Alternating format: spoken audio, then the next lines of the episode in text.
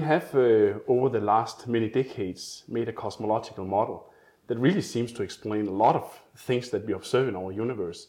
We have been able to cover, you know, the Big Bang, the CMB that we can go into. We have the formation of structures, the formation of stars, uh, and yet there seems to be some problems. There seems to be a reason to rethink cosmology, and you've been spending quite a lot of years to to uh, finding problems in this uh, lambda CDM model that we refer to. Uh, can you tell us more about uh, why we need to rethink this model that seems to be working so well. sure. Um, so, our knowledge of the universe is actually restricted to a rather finite range of times or temperatures or energies. From the present back to a time when the temperature of the universe was about that in the center of the sun, which is a very long range of temperature, around a few degrees above absolute zero now, to temperatures uh, that you get at the, at the center of the sun, millions of degrees Kelvin. However, when we talk about the Big Bang and how it all started, we need to go much farther back in time, over a range of time and a range of temperatures about which we actually have no evidence. And so the simplest thing that people have done is simply to say, whatever equations I use to describe this, this the part where I am able to explain observations in which I, which I can make observations, observations. And that is like the universe that we see around us, the galaxies, the, galaxies. The, the, laws of physics that we can test here in, right. in laboratories. Stuff. Right. So there's things we can test either in the laboratory or looking out in space as yeah. far as we can see. All that fits well with a certain set of equations. But it's a gross assumption to say those same equations continue going back in time. When the, and going back in time means the universe is becoming more and more condensed, mm. higher density, higher temperatures, mm. reaching scales which we've never tested in the laboratory before. Not a small stretch, but a stretch of something like 60 orders of magnitude in density is what is okay. how far back you have to go before you get to the so-called Big Bang. And just to understand, yeah. those are temperatures and energies that we cannot even reach with LHC, like the collider experiments. Not uh, even close. We are going yeah. very, very back in time where, where the energy was much, much higher. Right. And that's the first, re- first thing you should be concerned about, mm. a reason why you might have to think more carefully about this untested region. A second region, reason is when we observe the universe today, for example, the microwave background, we observe that on large scales it's remarkably homogeneous, uniform, smooth mm. distribution of energy. Um, it has a very low entropy, a very small amount of disorder in it. It um, has a special arrangement of entropy or order and disorder in it. There's a lot of disorder in the matter, but the space-time seems to be remarkably smooth. So when you're saying things are very smooth, uh, you know, around on here, yeah. around us is certainly not smooth, and we look at and we see galaxies and clump. Right. But you're saying on cosmological scales, like really big scales, these are just tiny, small perturbations, uh, which is defined as smooth. Is that? Well, it's even stronger statement than that because um, it, what we're really doing when we look at the microwave background is not getting a snapshot of what the universe looks like now, or even here. We're getting a snapshot of what it looks like some distance away, long time ago. Now, whatever it was there mm. then, if the universe is smooth, should be similar conditions here. So at that time, there was not only smoothness on large scales, but even smoothness on the scales of the stuff in this room. All the atoms in this room, which form clumps, were then boiled into a hot gas of that was very uniformly spread, and it's over time between then and now, over roughly a period of 13.8 billion years, that that smooth universe, or nearly perfectly smooth universe, turned into a universe that has lumps on mm-hmm. small scales, including planets, people, uh, stars, mm. galaxies, etc. Mm. So we're getting a picture of what things were like in the past. So somehow we began with a universe with very special conditions. And by special, I mean we think everything is described by grav- uh, uh, by Einstein's theory of general relativity, back, going back in time. But in Einstein's theory, the last thing you expect is a universe which is uniform and smooth. Because in Einstein's theory, space is elastic, like a kind of rubbery jello. And it should be able to curve and warp and uh, contract in some places and expand in others. It should be very uneven. But something must have happened in the early universe, in this untested mm. period, or maybe before that untested mm. period, that, that took what would generally be something very different and turned it into something very special. Nature has given us a huge hint. This homogeneity or smoothness that we're talking about is a huge hint because it's not nat- something that occurs naturally in gravity. It requires some new physics, some novel physics to create that condition.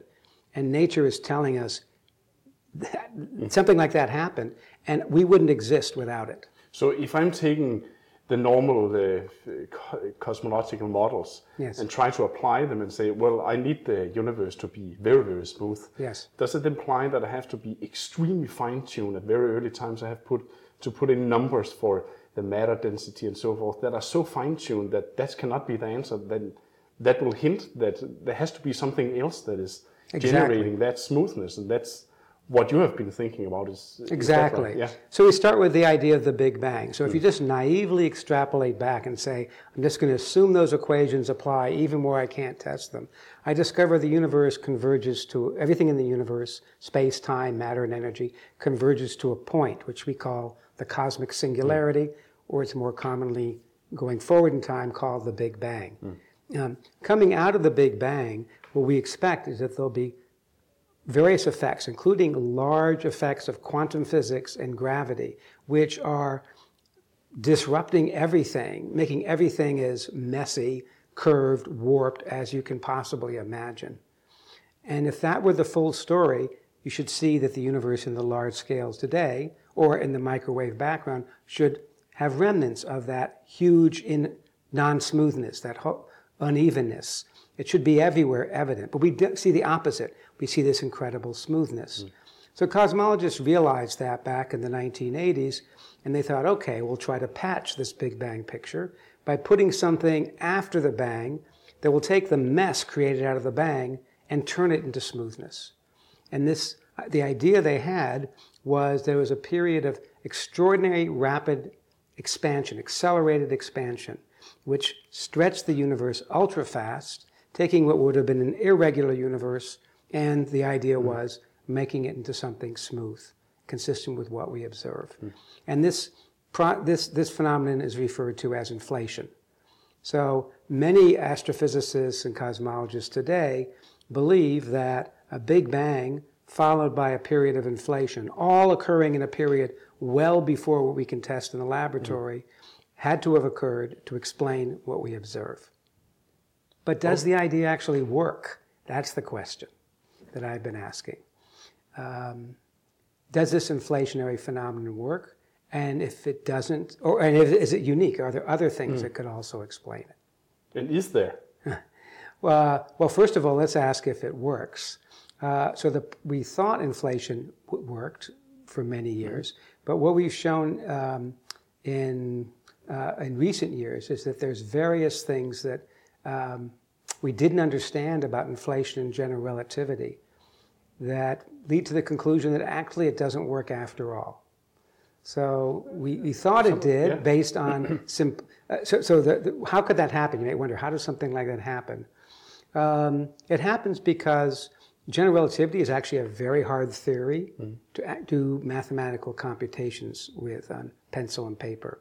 So if you ask, given some very non-uniform universe, how is it going to change with time? We never really could calculate that with pencil and paper. Um, we had analogies about stretching the universe that made us think it would lead to smoothing.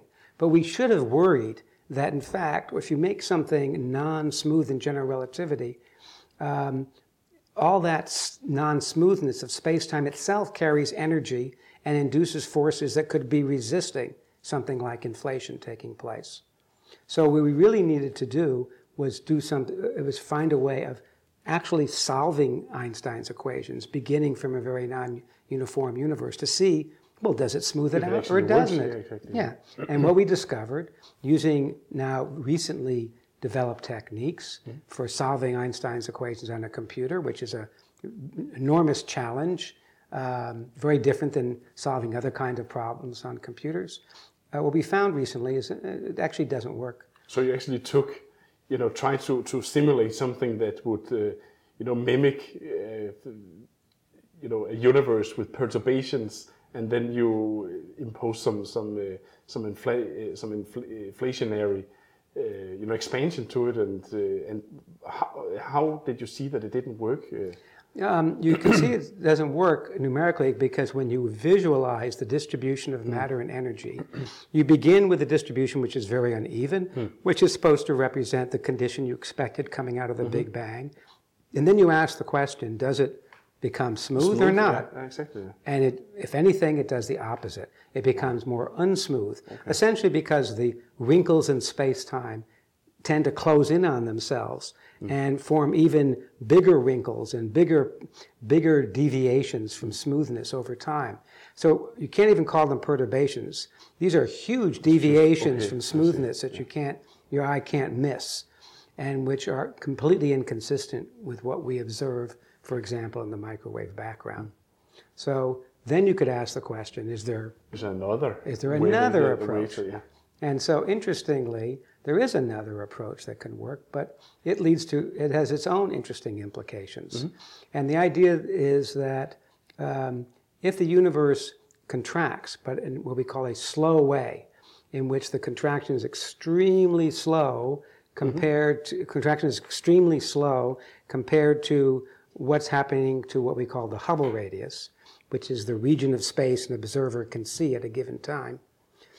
Um, what happens in this case is the region of space around you that you can observe in this contracting universe is very rapidly closing in on you. The space itself is hardly contracting at all. So you see less and less space as time goes on. Within the part of space you can see, the universe ends up looking more and more smooth. And even beyond it, it looks more and more smooth. At first, we thought it was just what the observer sees, but we discovered recently it's a strong, it's a much stronger effect. Every place in space begins to do the same thing, falls into sync, and smooths at virtually within a very short range of time, smooths to the same condition. Even two regions that are out of causal contact, there's too, too far away for light or mm. other information to connect them. Even such regions independently smooth themselves and smooth to the same condition as the region far away. So let me understand. So are they? Is it is it only smooth within your own horizon, or is it smooth? You know, everywhere now. Now you're saying is you know smooth in each patch here. So But- each, but- yeah, so it's a combination of It- two it things. Must be a combination. Yeah. Yeah. So if we were following one region, the region around you, you'd find that it smooths. If you were able to communicate, uh, if, if, if, you were discover, able to discover what is happening over here, the same thing is happening over here. But the interesting is, thing is, they're smoothing to the same condition. And same with every point in between. So suddenly So you have means like the whole. the whole universe is smoothing. It's a universal smoother. So we thought uh, until recently this was impossible. Because things cannot talk to each other, right? They, we, we thought we thought in order to smooth the universe, hmm. you need to get regions to talk to one hmm. another first, smooth themselves out, and then imagine stretching it. But that turns out to be the wrong way to do it. But that is the way when you think about the Big Bang, and that's Yes. how the inflationary picture tries to solve it, right? Things are first causally connected, Yes. and then you stretch it. That's the explanation. But here you're saying, well, it might actually be working the other way around if you have a contraction instead. Is that? Yeah, so it- it's exactly the opposite. It says first you want to separate everybody so they're out of communication, but they are following the same equations. So because they're following the same equations, they're going to follow similar paths. Hmm. And if the equations happen to have what we call an attractor behavior, they'll actually end up in the same place, namely smooth within and smooth res- with respect to one another. So suddenly, regions which were not were not in causal contact were you know which were too far separated to communicate with one another mm. are independently doing the same thing mm. and falling into sync. It's an amazing thing which we didn't think, which we never imagined was possible before, but it comes out of general relativity. It was sitting there all the time to be discovered.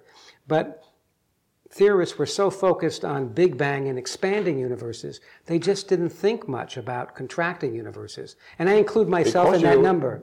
but but con, but contracting universes you don't see so that's i mean a natural reason why you don't think about it right but but you believe or part of your cosmology um, says that there might be a contracting period before what we call the big bang is that correctly understood that the- That's correct. that's how you put it together in So again, we we're following a line of reasoning. So what we're saying is, okay, there's something interesting about this slow contraction, mm. which is it does something which is not possible during any kind of expansion. It's actually able to smooth the universe everywhere, not just what we see, but even beyond what we see. Now we live in a universe which is smooth. yeah. That's a pretty strong reason for believing that slow contraction is the cause of that effect, because it's the only example we know at the, at the present time that can really smooth the universe. Inflation fails, Big Bang fails, Big Bang plus inflation fails. So contraction succeeds. Now, we live in an expanding universe, not a contracting universe. And we don't want to have our contracting universe, which is nice and smooth, spoiled by large quantum effects that mess up the smoothness we work so hard to create. So, what do we want to do? We want to have a universe which only contracts for a short period of time and then transitions smoothly to an expanding universe. And we call that transition a bounce. So there are different effects that can cause an ex- a contraction uh, c- to convert to an expansion, which we also study. We have different examples of different kinds of uh, uh, um, uh, theories that can produce just the bounce portion of this period. And when they're producing the bounce, they can also convert the energy that was originally causing the contraction into expansion plus the matter and radiation that we observe in the universe today. So it, you end up coming out of the bounce not just with expansion, but with a hot universe, a universe full of matter and and all the radiation. particles and the fluctuations that, that we see today Yeah, all that stuff, all those things Yeah, yeah. that you want, that we observe in the in uh, when we get to temperatures of the s- temperatures of the sun and smaller in the universe, are all laid All in place. part of that, yeah Yeah, it's all part of the story.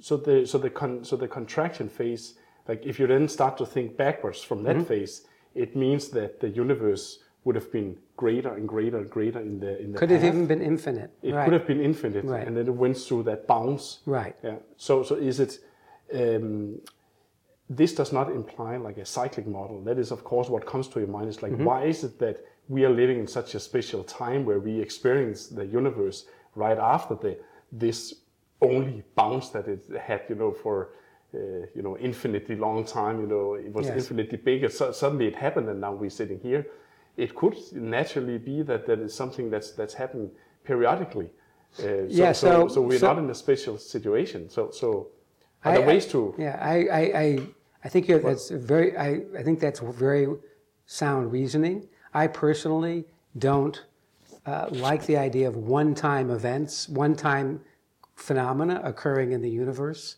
no In fact, that's one thing that disturbs me about the Big Bang.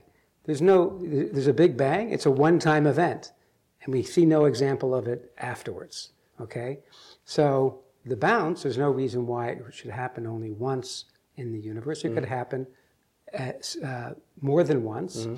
It could even happen in such a way that it's periodic, cyclical, that you're describing, and it can happen in such a way that it's stable, cyclically, and continues arbitrarily far in the past and arbitrarily far in the future. Is there a way to test this? Like, I mean, you can imagine that something from the previous epoch is Mm-hmm. carried, like a little bit is carried into the next universe, and and maybe you can you can see some some perturbations that is left over or something like that.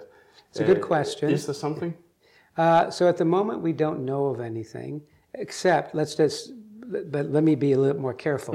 So there is something that is carried over from the previous cycle, the smoothness and flatness and and perturbations in the distribution of matter were all created during the slow contraction that pre- preceded the last bounce. Hmm. what we thought of before up till now as the bang. It would have been the last, most recent bounce. All that is carried forward to the present. Hmm. But ano- something that happens during slow contraction is the amount of space you observe when the contraction begins. Let's say contraction began right now. Hmm. Okay, so about 40 billion light years is the size of the universe that we can see See at the present time. That region would contract to a microscopic scale. Most of that stuff would disappear outside the region we could see up to the time of the bounce. The, what we call the Hubble radius, the distance you could see would have shrunk by that much. After the bounce, we create new matter and radiation. The Hubble radius grows, but the stuff that we, was there before, we cannot see within our Hubble radius because it's expanding apart from us along mm. with the Hubble radius. Mm. So you lose track of it. So, in a sense, you lose memory of earlier cycles every time you go through one of these contractions and bounces. Because it's being taken out of your horizon, basically. Right. So sp- the total amount of space is growing. Yeah. So it could even begin with an infinite amount of space, but it keeps growing by some factor, for example, or there could be a finite amount of space, but it keeps growing by some factor. But you only see a little patch of it, mm. depending upon how many bounces you've had in your past up to that point, how much stuff you've lost sight of mm. from cycle to cycle. So, for example, we have black holes that we observe in our present universe. If the contraction were to begin now, by the time the bounce occurred, we would not, we uh, as mm. observers would not be able to see any of those black holes. They would be outside our Hubble radius.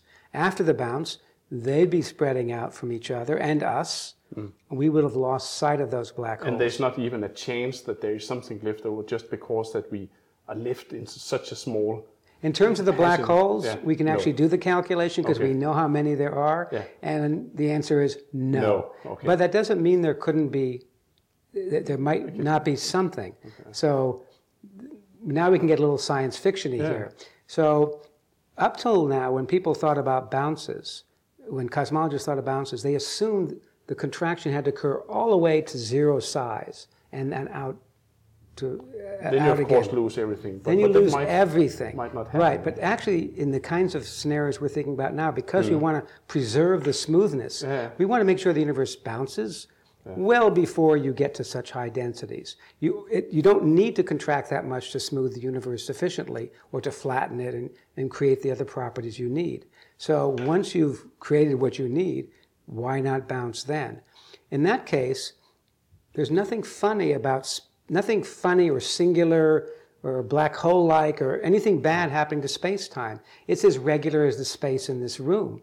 And there's no reason if I were sitting on the other side of that bang, of that bounce, I couldn't send signals through. Now, some of those signals would be wiped out because if I sent, for example, a rock or particles through there, when the, when the energy of the slow contraction was created to converted to new matter and radiation, heated up, it would melt that stuff Yeah, or and you- scatter it away and scatter it away. like that, yeah. But something like a gravitational wave, you could. I could send signals from my end explaining everything I had learned Mm-hmm. Yeah, yeah, over the course of my cycle. Watch out for that bounce that's going to occur a certain time from now. And in principle, if you were in the right place in the right time with respect to me, you could. There's nothing to stop you from receiving that signal. So if I like, uh, we we go and think about the observation of these maybe primordial gravitational waves. Is that one way of probing this, and, Um, or are there other ways of maybe ruling out your model, like, uh, or, or So, so inflation produces after the bang a spectrum of gravitational waves. You don't get that in slow contraction. So right now, uh, scientists are around the world are forming, are working very hard to uh, develop um, ob- uh, observatories that can look for the primordial gravitational waves you would get in Big Bang inflation. and just to understand, those waves are not at all, you know, similar to the waves that we have just seen, you know, with LIGO and stuff. They are Nothing- much much larger scales. Correct. So you're going to use, is that true, like the CMB? Yes. that- Basically, that as the background, and looking at how. Yeah, you're looking at how those waves distort the microwave background by cha- producing certain polarization patterns in them. So that's what they're trying to do. That's we one would, way of ruling that out, or and we would yeah. we and we would say if you see that, Yeah. that would be inconsistent with the slow contraction picture because that does not produce that effect. But you cannot turn it around, right? Like if you don't see them, you can rule out inflation because you might need not even know what scale they are within within with inflation. Do you? Do well, you, the do problem with inflation these days that we've learned about inflation is it's actually a totally non-predictive theory, in the sense that um, it's not that it produces changes the universe from disordered to ordered. It actually produces what we call a multiverse of possibilities. It turns space-time, even if it were perfectly smooth, a period of inflation due to quantum effects turns the universe into infinitely many patches which have every degree of non-smoothness and non-curvature and, and anything, elephants and whatever else you can imagine, you know, will be occur in some place in this multiverse. Uh, and in fact, they will occur an infinite number of times. That would include anything you might conceivably observe, okay? But that means that it, there's no way to falsify such a theory as that because anything you observe you could argue would have to have occurred someplace in the multiverse. If you can observe it, then the multiverse, everything that can happen will happen. It will happen an infinite number of times. But that means that you can't verify such a theory. You can't falsify such a theory. So if you look for these gravitational waves and you don't find them, um, some inflationary theorists will say, "Oh, we must live Well, it's in a just because the, the number should have been smaller for this model or that. Right. Or, yeah, so or not even the model. They'll just say in the multiverse, it could, we happen to live in a okay, region where you happen didn't, where you happen not to form them, and that's possible too. So, because everything is possible, that's possible too. Yeah, exactly, So, yeah. so I think the problem uh, with the Big Bang and the, adding the inflation to the Big Bang theory is that instead of becoming a, a highly predictive theory, which explained why the universe was smooth and flat and why the fluctuations in the microwave background are as we, we observe them, the theory aided, it sort of dissolved itself or ate itself when we properly understood how quantum physics combined with inflation works and general relativity works, we discovered, uh-oh, uh, inflation, what it really does is it creates this multitude of Yeah. everything. Yeah, And, and um, it's kind of led to an interesting philosophical or psychological split in the in, in scientific thinking because in conventional thinking, scientific thinking, we would say, well, this theory is non-predictive, it's non-falsifiable, it's outside the realm of normal science. Because a condition of a good scientific theory is there should exist a test, or more, at least one test, but one or more tests, that if you do the experiment and you find the opposite of that, You rule it out. you rule it out. Yeah. But in this case, anything you could imagine measuring, the opposite of that measurement is also predicted in the multiverse. So there is no way of ruling it out. So that's that's the so we've kind of run, run into this problem that the theory is broken down from its own foundations, not the usual way a theory breaks down. Not because we made an observation and said that contradicted it, No. but but because it, disco- it turned out it produces this ultra multiplicity of outcomes. And we do not have that problem, we don't have that issue in the slow contraction bouncing universe.